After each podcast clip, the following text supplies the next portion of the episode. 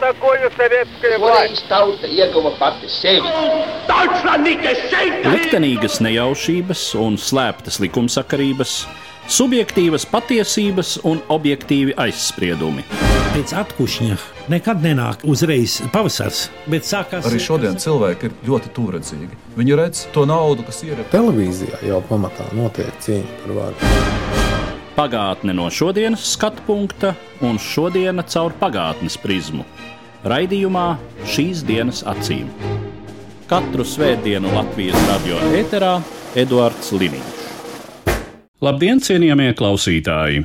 Šodien, kad mēs ierakstām šo raidījumu, aprit gads kopš Krievija sāka plaša mēroga kara darbību pret Ukrainu, ir pagājuši apmēram deviņi gadi kopš Krievija ir uzsākusi karu pret Ukrainu, un eh, šodien es gribu paskatīties uz visa šī konflikta tādām hipotētiskām saknēm senākos vēstures laikos, un eh, kas no tā reizumis tiek attīstīts, izmantots, un tā var teikt, ir dzīves joprojām. Mans sarunbiedrs studijā vēsturnieks Valdis Klišāns. Labdien! Labdien! Es tevi aicināju kā cilvēku, kura interese ir saistīta pamatā ar šo reģionu. Tu esi uzrakstījis tādu nelielu, populāru Ukraiņas vēstures grāmatu.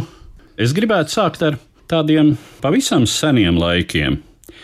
Šis motīvs par Kīivas un Maskavas zināmā mērā tādu sāncensību, ja mēs skatāmies uz vēsturisku veidojumu, ko historiografijā dēvē par Kīivas krievzemi, tad tur ir kopā salikti divi īpašvārdi, divi geogrāfiski termini - Kīva, Kieva, senā Krievu zemju galvaspilsēta, nu vai jāsaka, austrumslāvu zemju tajā brīdī vēl noteikti.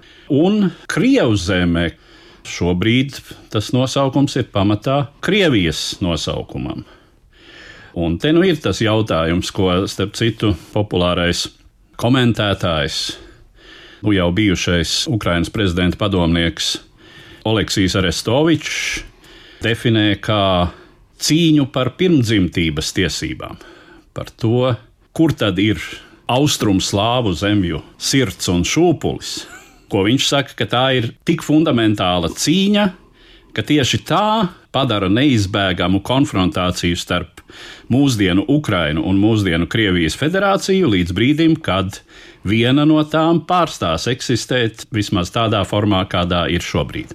Jā, man liekas, ka šajā jautājumā mums pa priekšu vajadzētu tikt galā pašiem ar šiem geogrāfiski vēsturiskajiem apzīmējumiem. Jo patiešām ir tā, ka reizēm nevēsturnieks tur var galvu nolaust, jo jāņem vērā, ka ir šie senie nosaukumi, un uh, tad ir šo seno nosaukumu vēl interpretācijas, un šo seno nosaukumu pārcelšana citā valodā, proti, latviešu valodā, kuru jēga vispār mainās.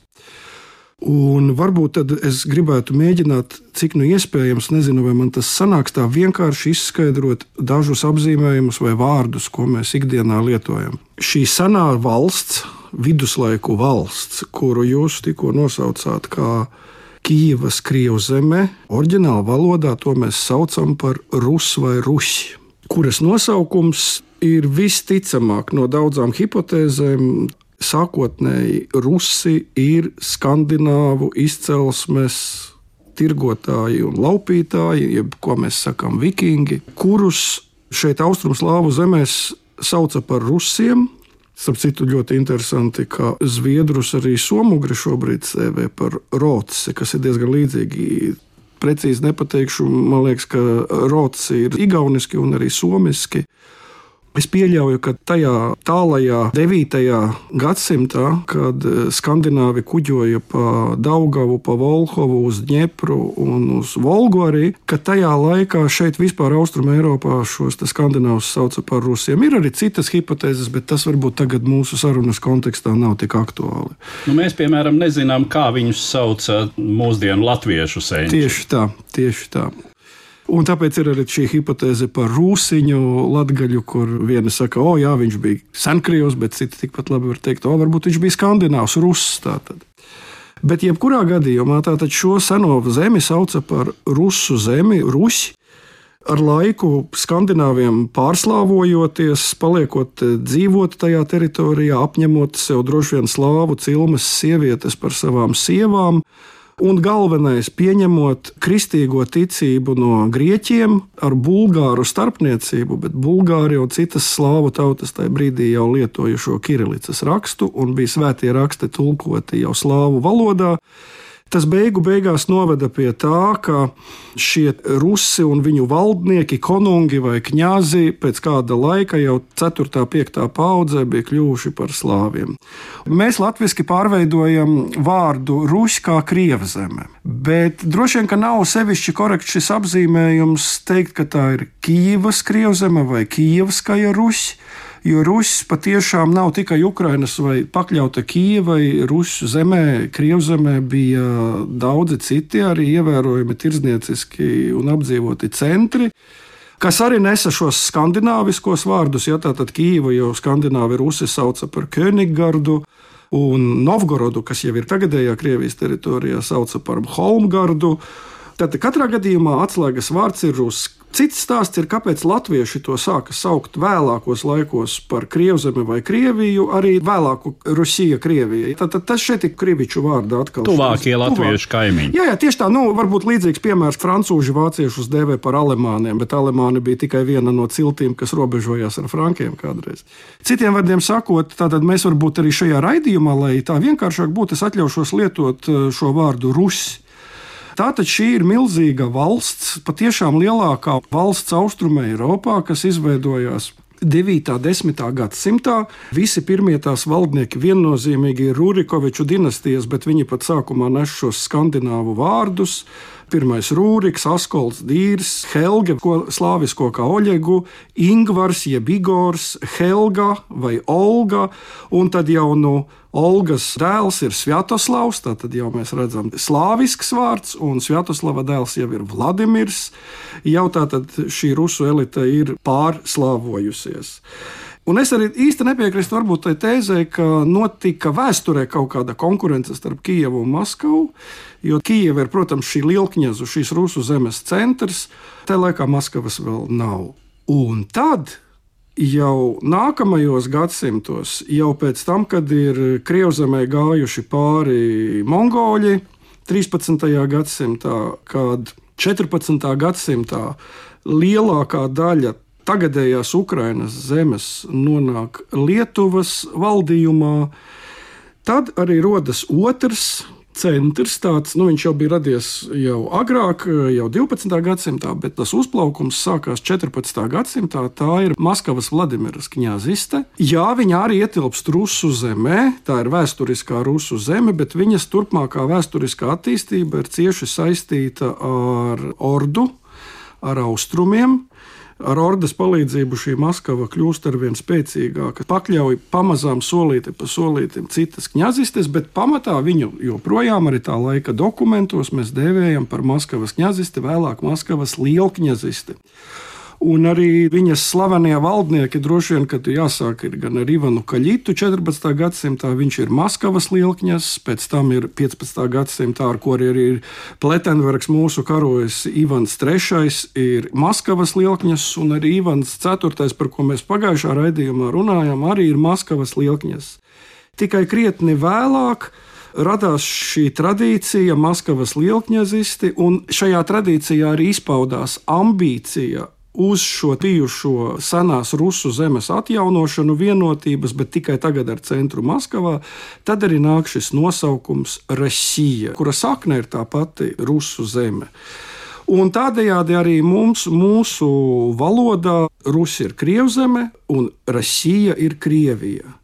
Starp citu, man vienmēr arī gribas atgādināt, ka mēs ļoti nepareizi, manuprāt, lietojam vārdu Baltkrievija. Tas nav vēsturiski korekti. Tā nav Baltā Krievija. Tad būtu pareizi jāsaka Baltā Krievzeme, bet tas nu kaut kā pavisam neskan. Tāpēc man liekas, ka mēs varētu sekot vācu. Piemēram, jo vācieši savā tradīcijā Baltkrieviju ilgstoši sauca par Vaisruslandu, Un beigās viņi saprata, ir jāsauc tā, kā šī tauta grib. Tātad viņi ir Belarusi, un arī vācieši šodien lieto Belarusi. Es domāju, ka nekas nebūtu grēkots pret latviešu valodu, ja ar laiku mums ieviestos īpaši pēc tam, kad mainīsies noteikti kaut kad. Baltkrievijā vai Belarusā arī vara, un es neapšaubāmi ticu, ka agri vai vēlu šī valsts demokratizēsies, un es domāju, ka tad pienāks brīdis, kad mēs varēsim mierīgi arī pāriet uz viņu oriģinālu nosaukumu - Latvijas Belarusā. Nu, lūk, tā tad mums ir jātiek galā ar šiem stāstiem, ko mēs saprotam ar katru šo jēdzienu. Un līdz ar to atbildot tagad, beidzot uz to tieši izvirzīto jautājumu.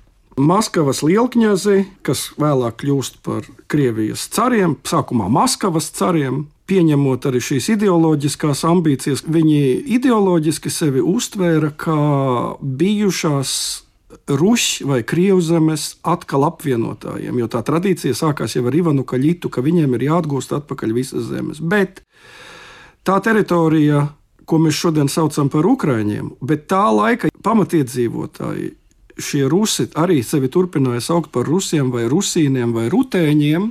Piemēram, latīņu tradīcijā daudz kur tiek runāts par rutēniju. Tas ir tas varbūt jau šīs atsevišķās Ukrainas pats sākums tie bija nonākuši jau pilnīgi citas politiskas un kultūrālas ietekmes areālā. Un varbūt tā atšķirība slēpjas tajā, ka viņi bija citā valstī, bet politiskās kultūras tradīcijas. Nu, es varbūt vienu piemēru, lai tā labāk saprastu, minēšu. Sākot jau ar vēlējiem viduslaikiem, Lietuvas teritorijā esošajām Ukrainas vai Rusu pilsētām tiek piešķirtas pilsētas tiesības pilsētas tiesības nozīmēja pilsētnieku pašpārvaldi.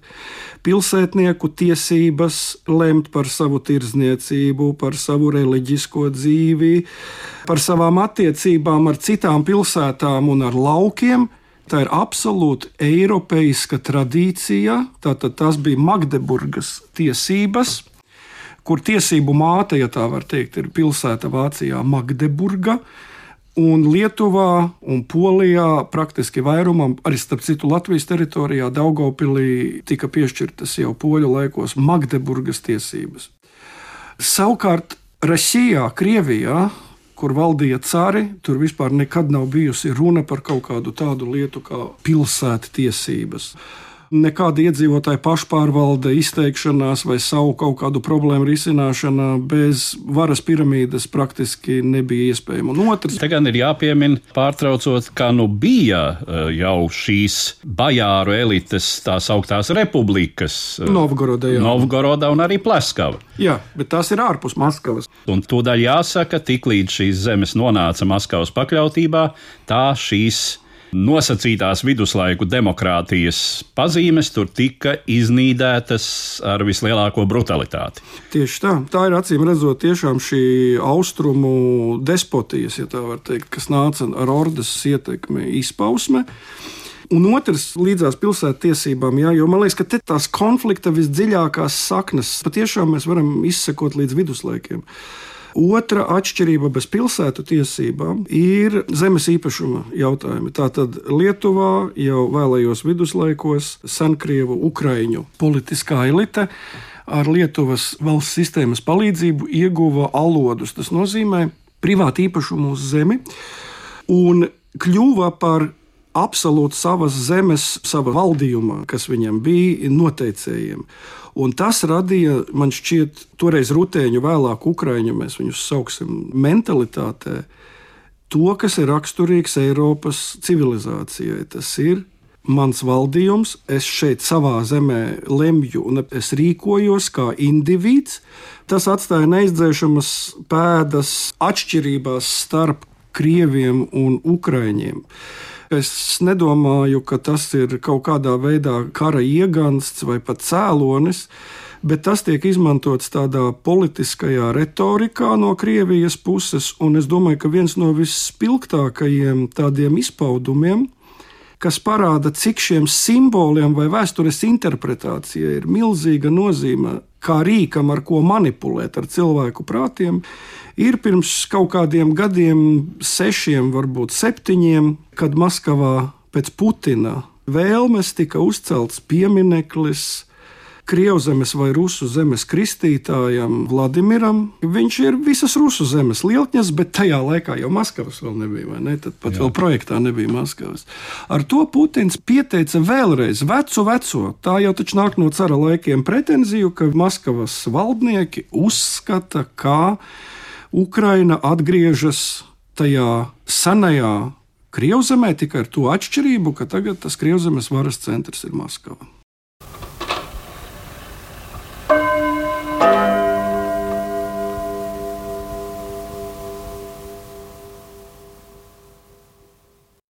Mūsu šodienas saruna veltīta mūsu reģiona senākās vēstures motīvu funkcionēšanai šodienas politiskajā un kultūras telpā. Mans sarunbiedrs studijā ir vēsturnieks Valdis Klišāns. Es varbūt gribētu drusku paskatīties uz šo situāciju no otras puses un lūgt pakomentēt to, kas ir ļoti aktuāls šī brīža Ukrainas retorikā, proti, Maskava tā ir orda. Ja mēs skatāmies vēsturiski, Maskava tiešām tajā brīdī, kad Kīva ir visu austrumslāvu zemju centrs, no turienes tiek izplatīta kristietība, kad tur tiek pārņemts jau kaut kas no Bizantijas civilizācijas, tad eh, tur, kur ir Maskava, tur purvā kurkst vardas. Un Maskava atrodas eh, arī slāvu zemju diezgan izteiktā perifērijā jo turpat līdzās jau sākas teritorijas, kuras pamatā apdzīvo somugri. Šajās teritorijās vēlāk arī nodibinās vairākas valstiņas, kur priekšgalā ir tatāru, nu, sākotnēji vietvalži, pēc tam jau tie kļūst par haniem, un tad viņi nonāk pamazām Maskavas lielkņaza ietekmes sfērā un pamazām rusificējas.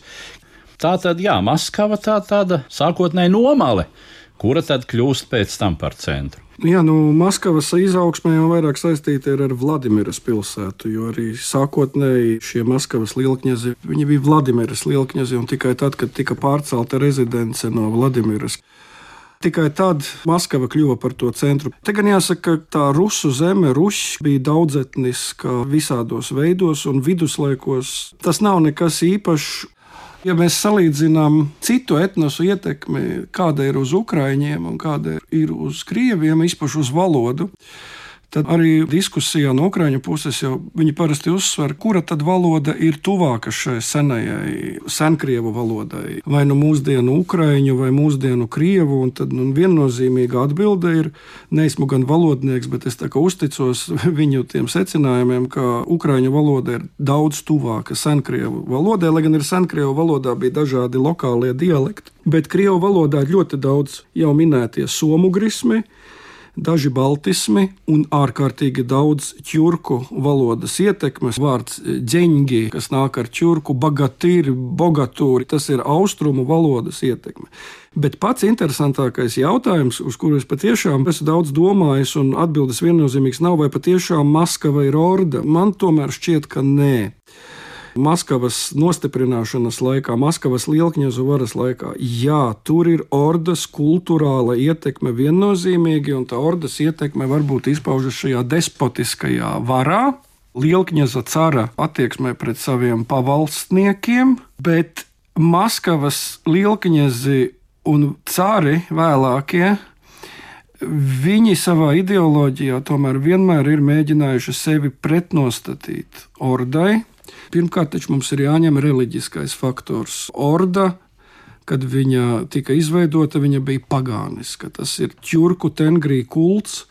Jā, bet jāsaka, ka šie tajā brīdī kakla kungi apspiedēja. Hani, jā. jā, nu tā tad ļāva visu vir, brīvību. Jā, nemēģināja pareizticīgos pievērst tengrī kultam. Jā, vēl vairāk Čingishans bija teicis, mēs iekarojam, bet mēs nenaidojamies ar pakļauto tautu dieviem. Tā tad absolūta reliģiska tolerance. Bet 14. gadsimtā Ordā, kad valdīja Hans Uzbeks, notika pārēja uz musulmanismu. Un šeit jau nu, tā pretruna ir e, milzīga. Tātad būt ordai nozīmēja lielā mērā būt musulmanim, un to krievu pareizticīgie cari nekādi nu, nevēlējās. Un man, lasot visu šo vēsturi un domājot par to varbūt ilgu laiku, nebūšu neko oriģināls, tomēr šķiet, ka īpaši sākot, varbūt jau pat ar, ar Mihailu Romānovu un tālāk ar Aleksiju Romānovu. Tie skati tiek vērsta tomēr rietumu virzienā. Ir mēģinājums Krieviju kaut vai nedaudz modernizēt. Arī tās baznīcas reformas 17. gadsimtā, nu, viņas tur varbūt nav rietumnieciskas, bet tas ir mēģinājums tikt no tās kaut kādas pagātnes vaļā, meklēt kļūdas.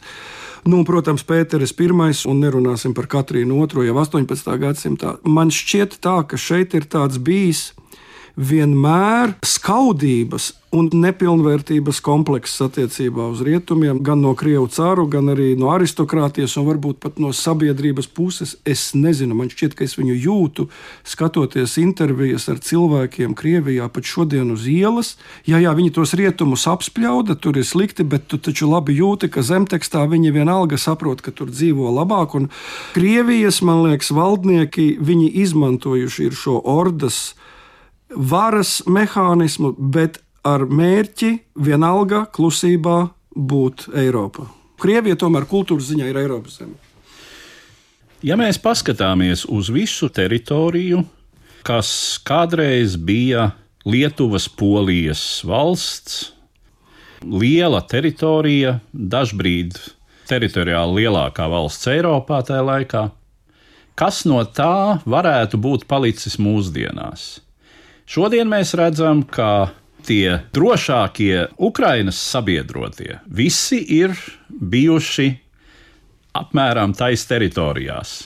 Tā, tā, tā ir mhm. Polija, un tās ir Baltijas valstis, kur pat Igaunijas daļa vienu brīdi bija, gan ļoti vēsturiski īsu brīdi, bet bija Polijas-Lietuvas valsts daļa. Jā, tas ir tāds vēstures fenomens, kad reizēm šīs vecās telpiskās struktūras, vecās robežas, kuras šķiet ir sen aizmirstas un nēsošas, viņas zināmos apstākļos atkal aktivizējās. Man kāds kolēģis interesanti minēja par poļu un vācu Pomerāniju. Kamēr bija divas valstis, protams, tās zemes bija šķirtas, tagad, kā ir Eiropas Savienība un vienotā brīvā pārvietošanās, no jauna veidojas ekonomiskie sakari šajā Baltijas jūras piekrastē, Pomerānijas zemēs, kur viena daļa ietilpst Vācijā un otra daļa ir ietilpst Polijā, lai gan kādreiz bija Vācijā, ja ieskaitot Štetīnu, Šķecinu un tā tālāk. Man liekas, ka šis ir otrs fenomens, par ko mēs tagad runājam, ka patiešām kaut kaut kādā veidā šie senie sakari, kuri ir bijuši pārgriezti jau kopš 18. gadsimta. Un Piedošanu, ja es braucu cauri Polijai gana bieži, es joprojām redzu vecās kultūra telpas. Ja es redzu to Ziemeļpoliju, Prūsiju, es redzu Krievijas poliju, ieskaitot Varšavu, kas ir 19. gadsimta Krievijas teritorija.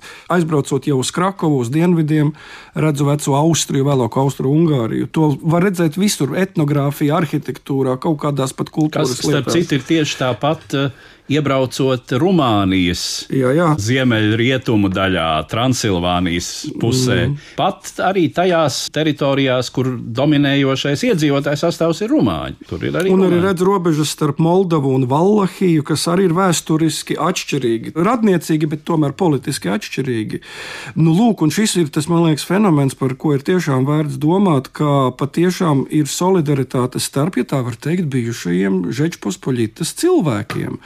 Baltkrieviem, Ukraiņiem, Lietuviešiem un Poļiem. Nu, Baltkrievi, es domāju, klausītāji atcerās 20. gadu, kā Lietuva. Es pats tajās dienās biju Lietuvā, kad bija tas solidaritātes ceļš ar Baltkrieviju, kas bija mūsu Baltijas ceļa neliela imitācija, var teikt, jeb šīs tradīcijas atkārtošana un visu šo sarkanu, balto karogu un balonu laišana gaisā. Un atceramies, ka taču Baltkrievijas opozīcija pirmkārt šķērsoja Lietuvas robežu un beiga, un Cihanovska taču arī ir Lietuvā.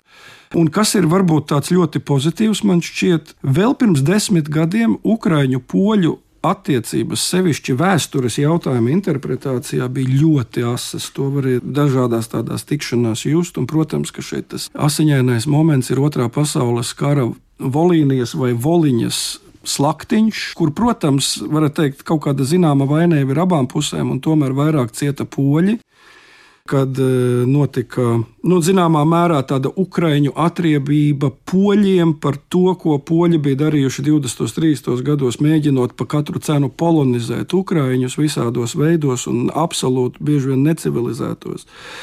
Un tagad mēs redzam, ka šis vēstures melnais tāds punkts vai sāpīgais punkts. Asiņojošā brūce ir pilnīgi aizmirsta, aizdzijusi. Tas, kā palīdz poļi Ukraiņiem, ne par kādu voliņu šobrīd nekādas, es domāju, diskusijas nav. Tā ir vēsture, tā ir jāliek malā. To var pētīt pētnieki un domāt, kurš tur bija vairāk vainīgs un kas tur bija iegansts un cēloņi, bet tam uz šodienu nav nekādas vairs ietekmes. Un galu galā vislielākais ukrāņu bēgļu skaits arī dzīvo Polijā. Ko mēs no tā visa varam secināt?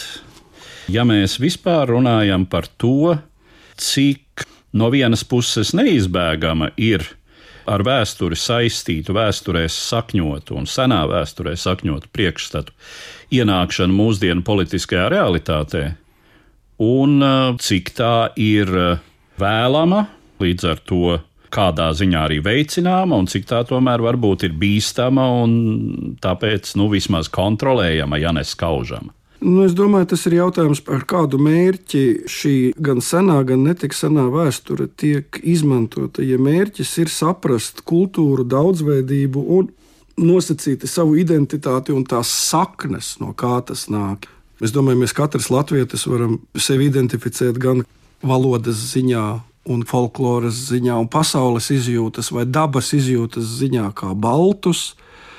Tad vienlaikus mēs esam kristieši, un mēs nekādi nevaram noliegt vācu baltu klāt esamību Latvijas vēsturē un mēs atrodamies šobrīd blakus Doma skaistajai baznīcai, un esam vecrīgā, un turpat mums ir mūsu mūžas un viss pārējais. Un kur tad vēl somugriskais gēns? Un vēl somugriskais, ieskaitot mūsu, kā mēs runājam, liekot uzsvaru uz vārda pirmo zilbi, kas mums ir neapšaubāmi somugriska ietekme. Tieši tā. Un, ja tas ir šādi veidots, ar šādu mērķi mēs pievēršamies vēsturei, tad tas ir brīnišķīgi. Bet daudz trakāk ir, ja mēs sākam kaut kādas pretenzijas citiem virzīt. Un pretenzijas mēģinām argumentēt ar kaut kādiem, es teiktu, diezgan tālas mītiskas senatnes elementiem, kā to dara šobrīd Krievija. Nu, es domāju, ka kronis visam bija Putina jau pēc uh, Krimas aneksijas. Putina izteiciens, ka ja ebrejiem ir svēta Jeruzaleme, tad Krievijai ir svēta Hersonesa, Krimā, kur Vladimirs pieņēma kristietību, kas ir kaut kāds absolūts absurds vispār domāšanā. Tātad viņš šo vēsturi izmanto kā rīku, lai varbūt vēsturi nezinošiem ļautiņiem iedvestu kaut kādu attieksmi pret kaut ko. Nu, es gan teiktu tā lai man piedod radioklausītāji, reizēm jau arī mēs, mēs gan esam maza tauta un miermīlīga valsts, bet nu, reizēm arī mums kaut kur gribās tur to diženumu. Ja, tad mēs sākam runāt par eh, kurzemes hercogistes kolonijām, Tabago, kur gan, kā saka vēsturniece, zinātņu doktore Mārīta Jakovļeva ir tā kā konstatējusi, ka nevienu latviešu īsti tur konstatēt nevar tēt Tobago. Vai nu tad mēs sākam runāt par šīm milzīgajiem baltu kultūra areāliem. Ir šāda tendence vai kaut kāds šāds sentiments elements, protams, piemīt, bet viņš piemīt visām Eiropas tautām. Nu, es atceros, nu, cik daudz nav bijušas sarunas par skandināviem, par vikingiem. Cik tas ir skaisti. Ja? Lai gan, ja mēs tagad tā padomājam, šī galvu ciršana un sieviešu zakšana vai pavisam skaista tāda parādība, par ko sajūsmināties. Bet es domāju, ka mums Eiropā tas viss ir ar tādu smaidu. Ja? Īpaši, kad satiekās profesionālie vēsturnieki, un tad sākās tādi tā vēsturnieku jociņi, kuram tā dižāka senatne un kurš valdnieks, kur ir ko iekarojis. Bet tas viss viss absolūti nenes nekādas sekas un iespaidu uz šodienas cilvēku attiecībām, tad, diemžēl, nu jāsaka, ka šajā gadījumā tas, ko dara šobrīd Krievija, vēsture šeit strādā vienkārši kā manipulācijas rīks. Jā, ar tādu novēlējumu ikvienam censties saprast, ka vēsture nav izmantojama kā manipulācijas rīks, ka tas ved pretī katastrofai. Un Krievija šajā gadījumā ir tam spilgtākais piemērs. Jo, ja Ukraina šobrīd piedzīvo ļoti smagus laikus, milzīgas sāpes un grūtības, tad Krievija piedzīvo katastrofu. Mācīties no šīm kļūdām var tikai novēlēt arī ikvienam klausītājam, viņa ikdienā, viņa domāšanā, kad viņš domā par vēsturi. Un ar to es arī noslēdzu mūsu sarunu un saku paldies manam sarunbiedram, vēsturniekam Valdim Klišānam. Paldies! Katru svētdienu Latvijas radio viens par pagātni sarunājas Eduards Līniju.